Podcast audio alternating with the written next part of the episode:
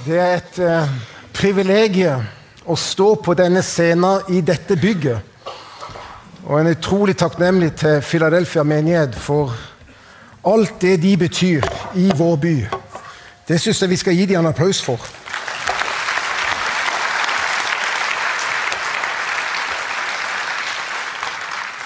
Jeg heter altså Øyvind Augland. Du sa, navnet mitt. Og det er jo ei så brei som det kan være å bli kristiansander. Født i Randesund. Eh, møtte Jesus radikal som 16-åring i Randesund frikirke. Og siden har tusla rundt her i denne byen eh, og fått lov å fortelle om Jesus. For det er grunnen det som jeg brenner for. Eh, vært pastor i, først i Randesund frikirke, planta Hånes frikirke, pastor i Kristiansand frikirke, planta Østsida frikirke, starta 40 dager og vært en del av det som skjer her i byen. Og det er et privilegium å fortjene Gud og følge Han. Det må jeg si. Og så handler fellesmøtene om på en måte tro, håp og kjærlighet. Og I dag starter vi med troen. Og så har vi vist et bilde her, og det handler om at dette er fotavtrykkene til den kristne kirke her på jorden. Det er tro, håp og kjærlighet.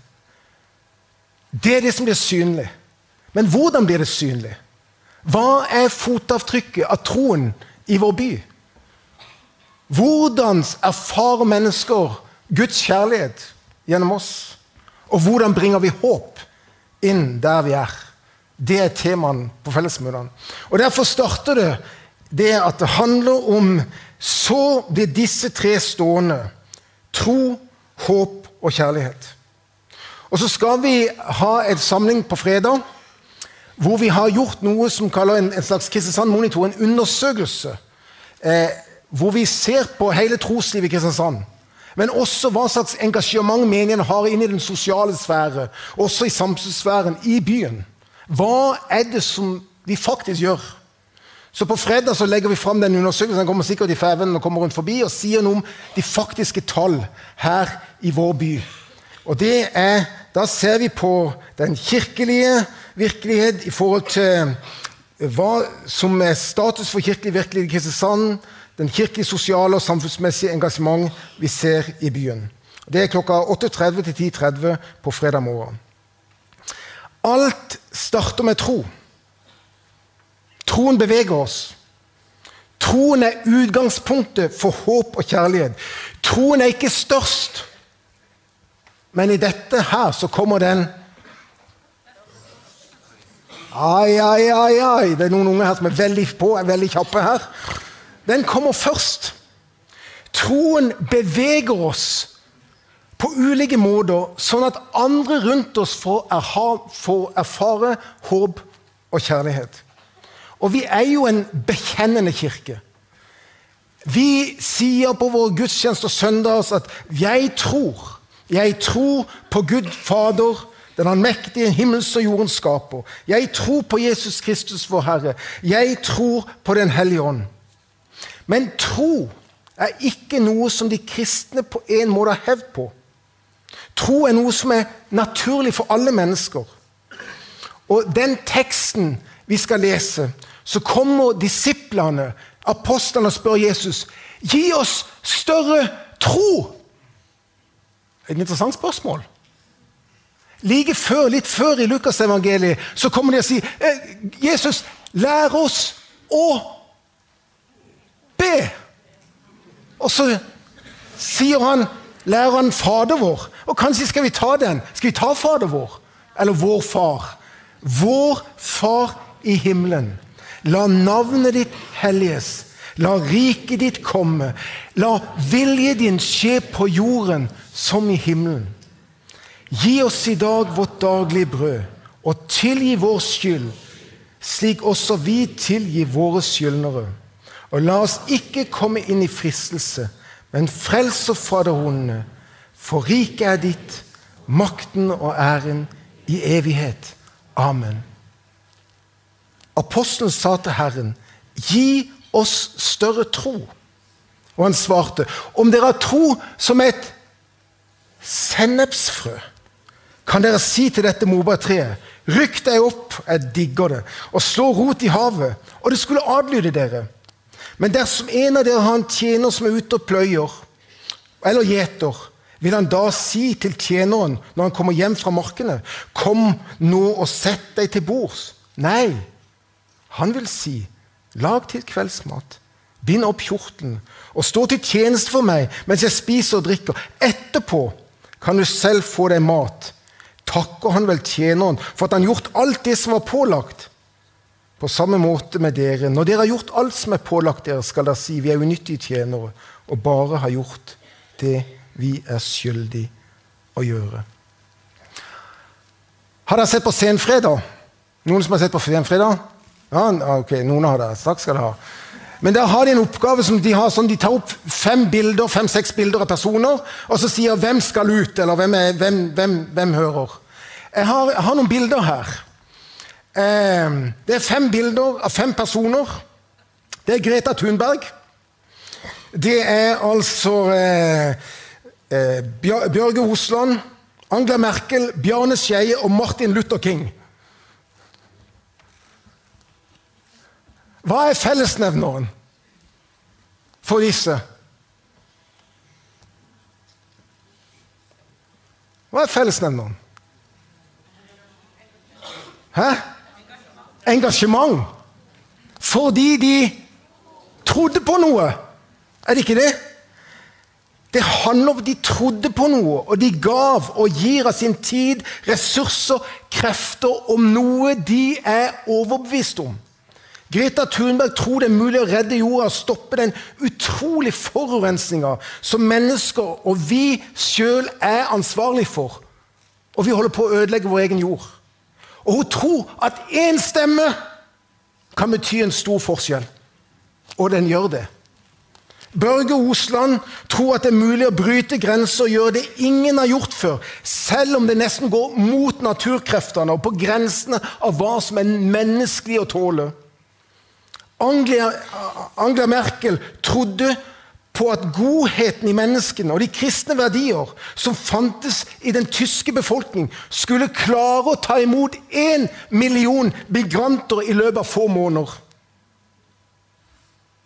Og det var nasjonens tilbakebetaling for sin egen fortid.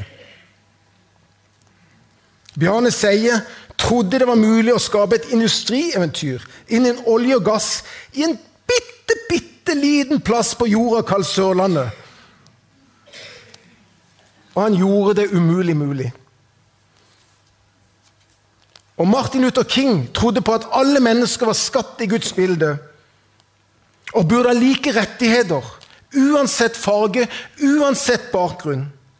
Og i den troen blir han drept og fikk aldri se fullt ut det han kjempa for. Men visjonen hans lever i millioner av mennesker i dag og er fortsatt ikke oppfylt. Hva er fellesnevneren?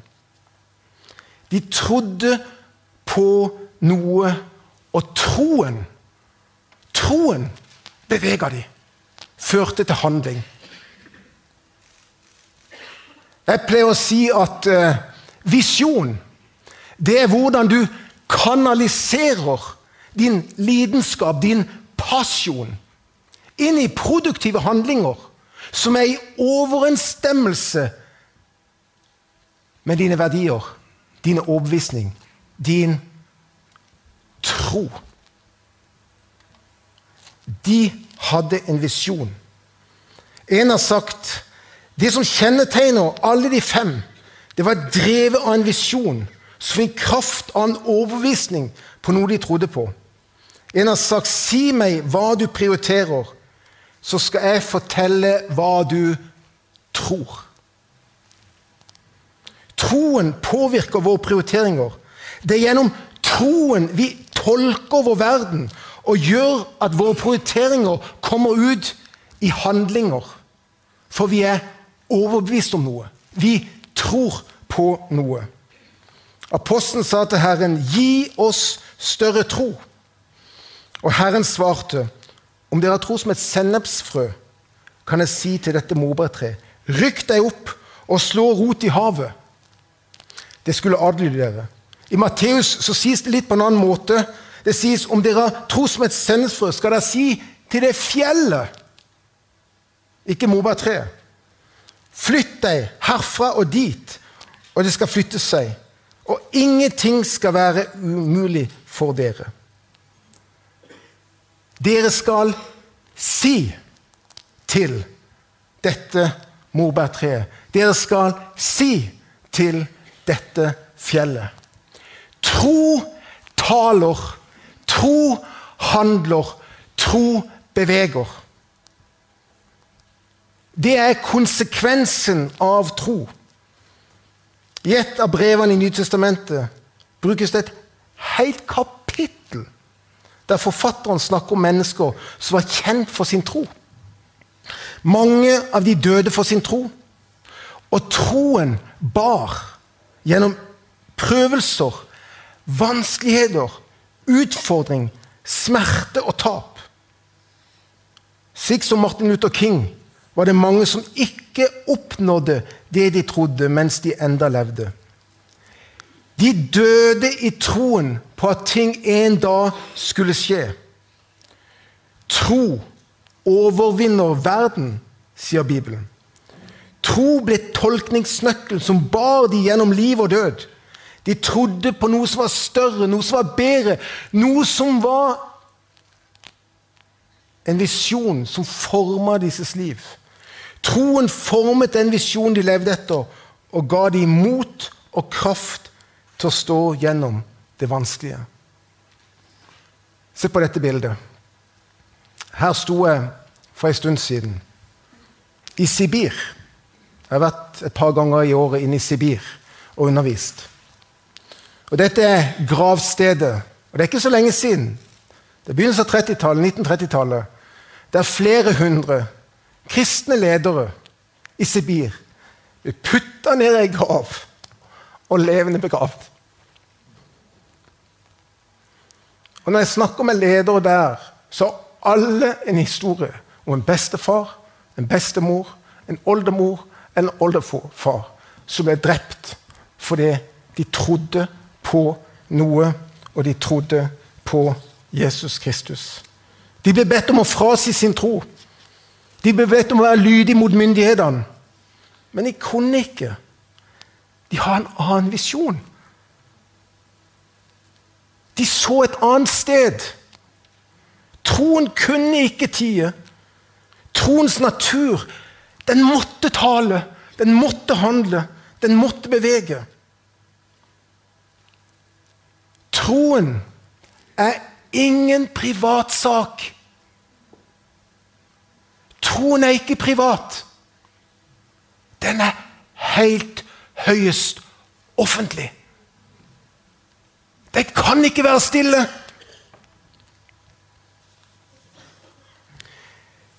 Trosfriheten er noe vi må kjempe for.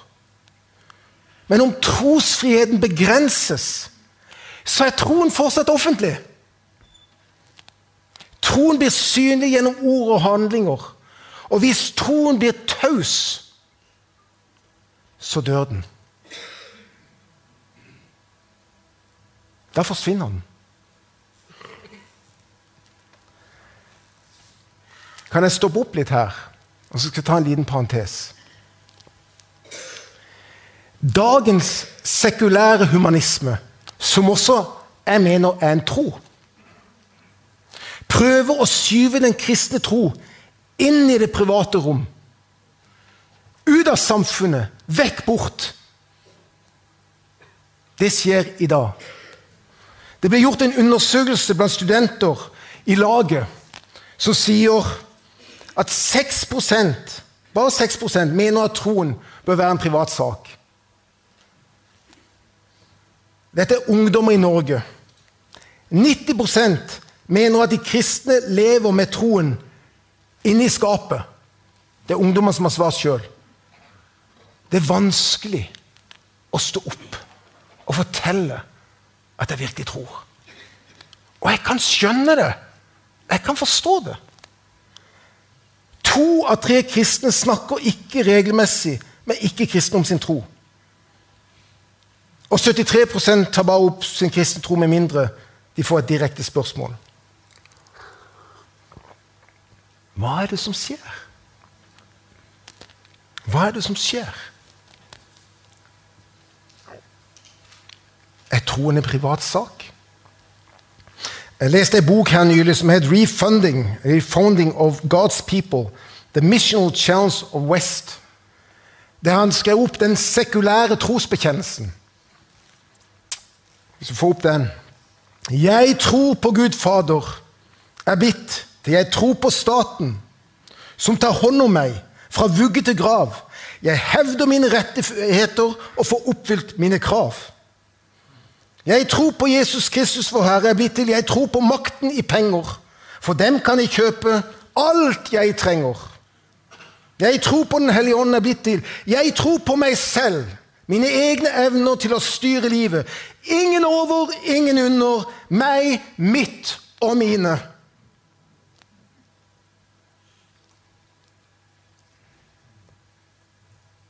Er det trosbekjennelsen som har begynt å prege oss? Den kristne kirke? Pengene, staten, meg selv. Hvor er Gud? Er Gud helt ute av bildet? Helt borte? Visjon er å fortelle alternativt bilde om framtida. Har vi mista evne til å fortelle en alternativ historie? En alternativ historie der troen på Gud får forme våre liv og prioriteringer. Det sies at det hjertet er fylt av, taler munnen. Har den sekulære trosbekjennelse fått et så grep på de troende og har fylt deres hjerter så mye av fortellingen om Guds godhet, er sluttet å komme ut av munnen. For det er ikke lenger en daglig erfart virkelighet. Eller er Gud skjøvet opp i hjørnet? Han er der oppe, helt ute. Eller kan det være Kan det være at den sekulære trosbekjennelse begynner å slå sprekker? Og jo mer en prøver å skyve Gud ut av samfunnet, jo mer kommer ulike trosformer og alternativer opp. Kan det være at det sekulære samfunns kraft til å stå imot ismer og trosretninger som fyller vårt land, ikke klarer å stoppe det? Er det ikke slik at troen alltid overvinner verden? Kan det komme en dag der Gud igjen blir sentrum i tilværelsen? Der bønnen vi ber hver søndag i vår Far om at Hans rike må komme og Hans vilje må skje, faktisk blir en virkelighet. Og at fotavtrykket til kirka igjen i samfunnet Der mennesker får møte en tro på Han som er herre over liv og død. Som er herre over alt. Og møte en kjærlighet av mennesker som bryr seg, og håp for nåtiden og framtiden. Bibelen forteller en historie om Gud som bryr seg om denne verden, om en som en dag skal gjennomsyne denne verden med godhet.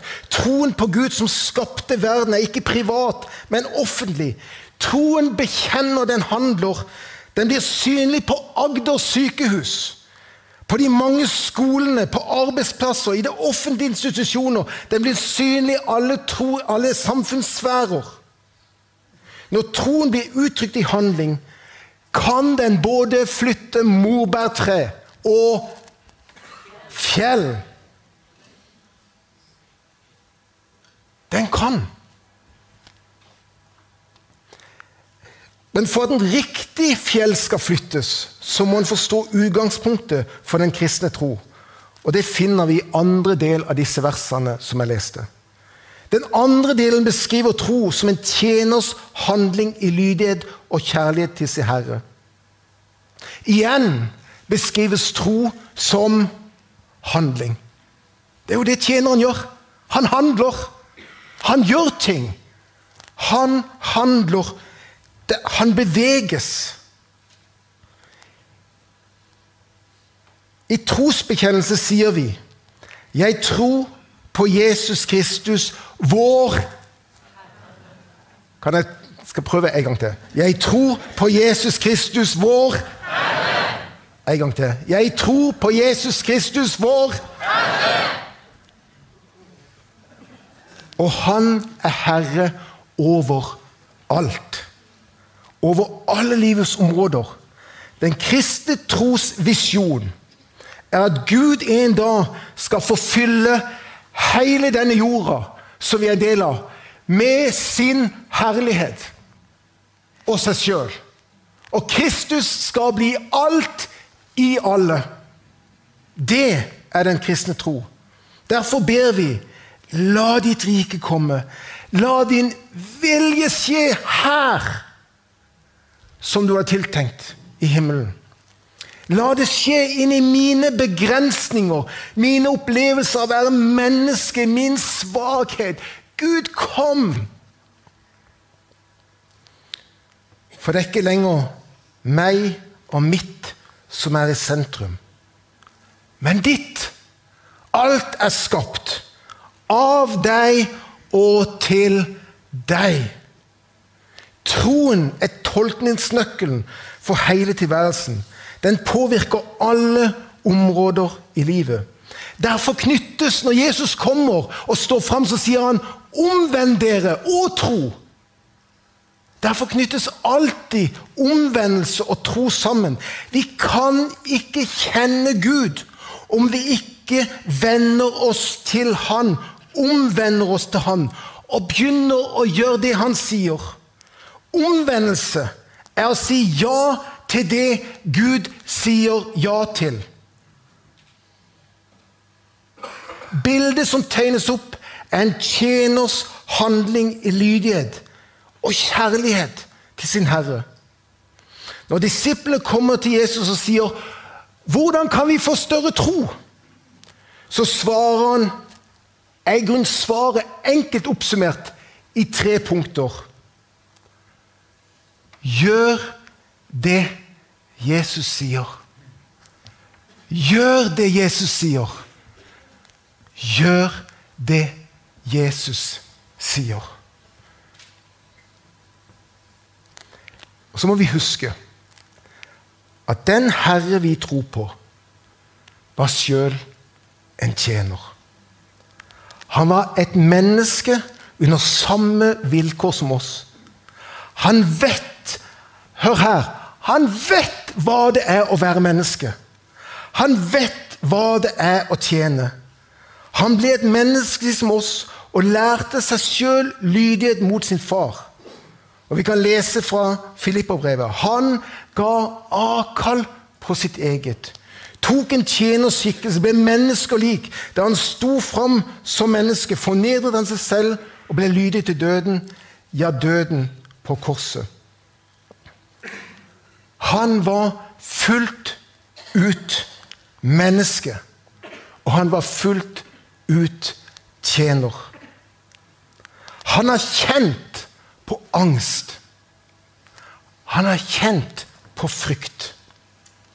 Han har kjent på smerte, han har kjent på nederlag. Han har kjent på å bli ydmyka, han har kjent på å bli pina.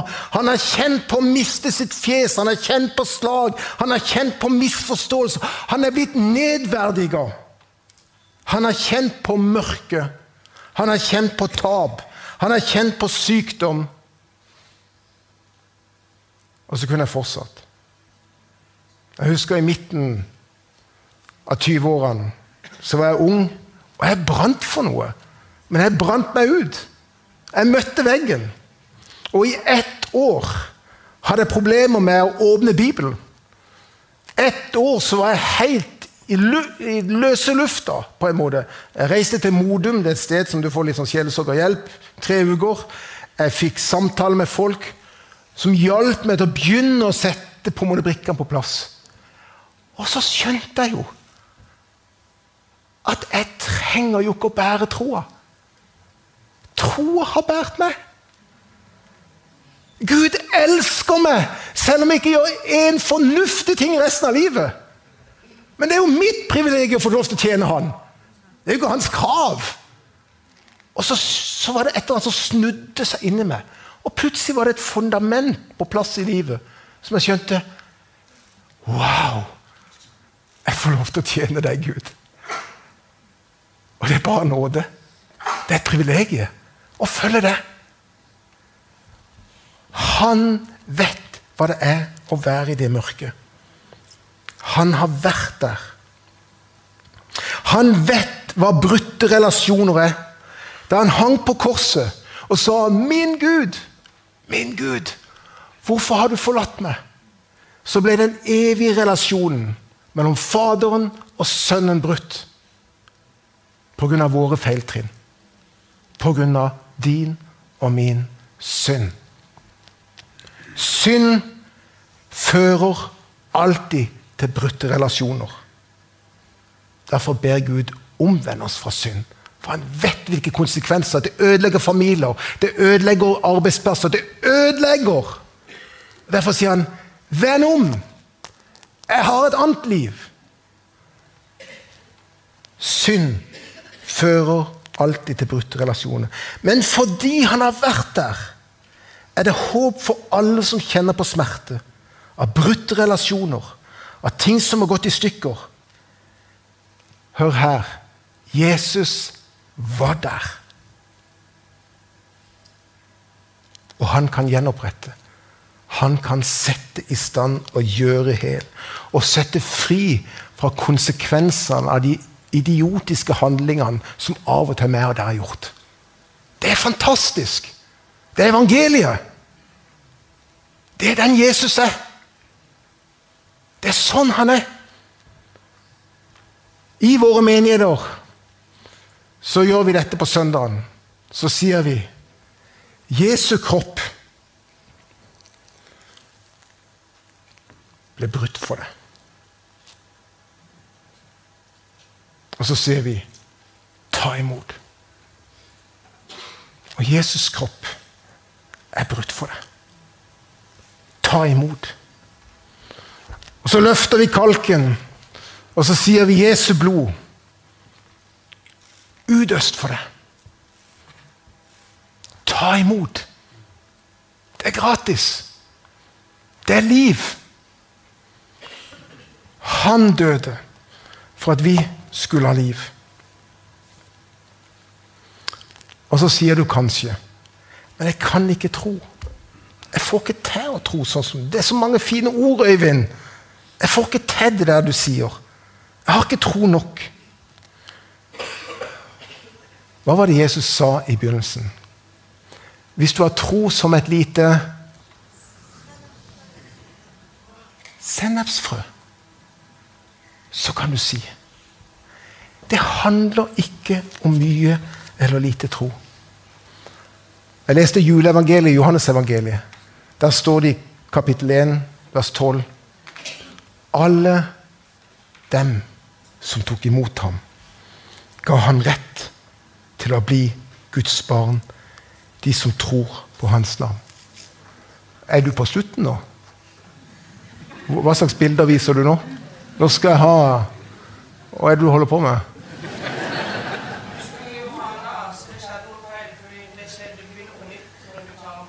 Ja, Det vet jeg ikke. Eh, så hvis du kan bare gå litt videre Nå går vi gjennom talen, nå får du en repetisjon av talen. her. Og så, eh, og så går vi til der vi ser et barn og en far. Hvis du kan gå videre nå. Ett til.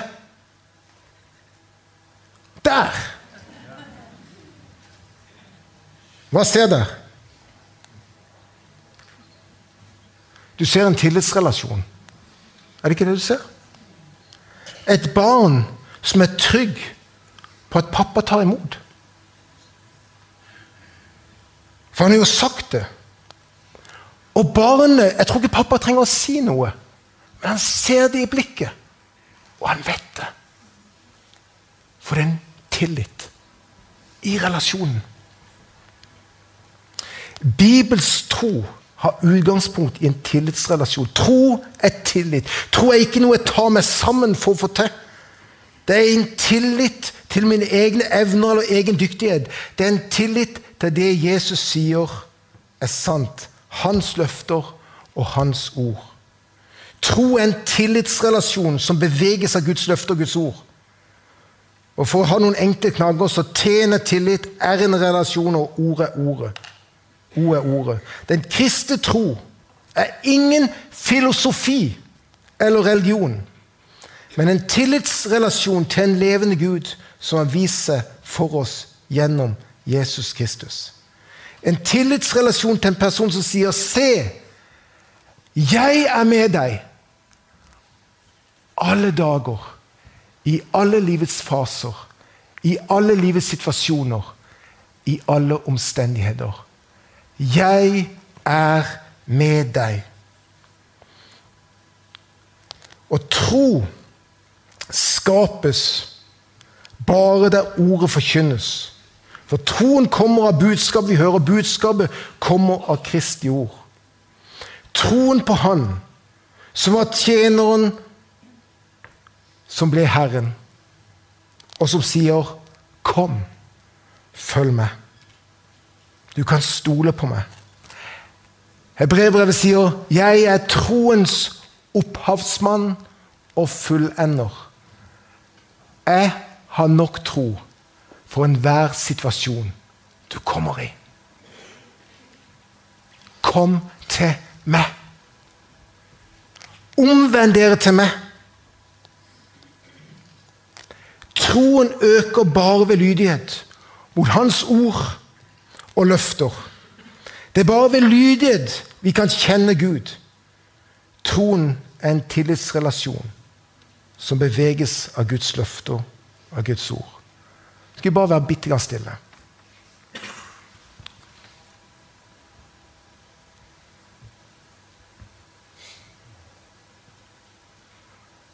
Bare kom, Hellige Ånd, her nå. Og la ditt ord få virke i våre liv.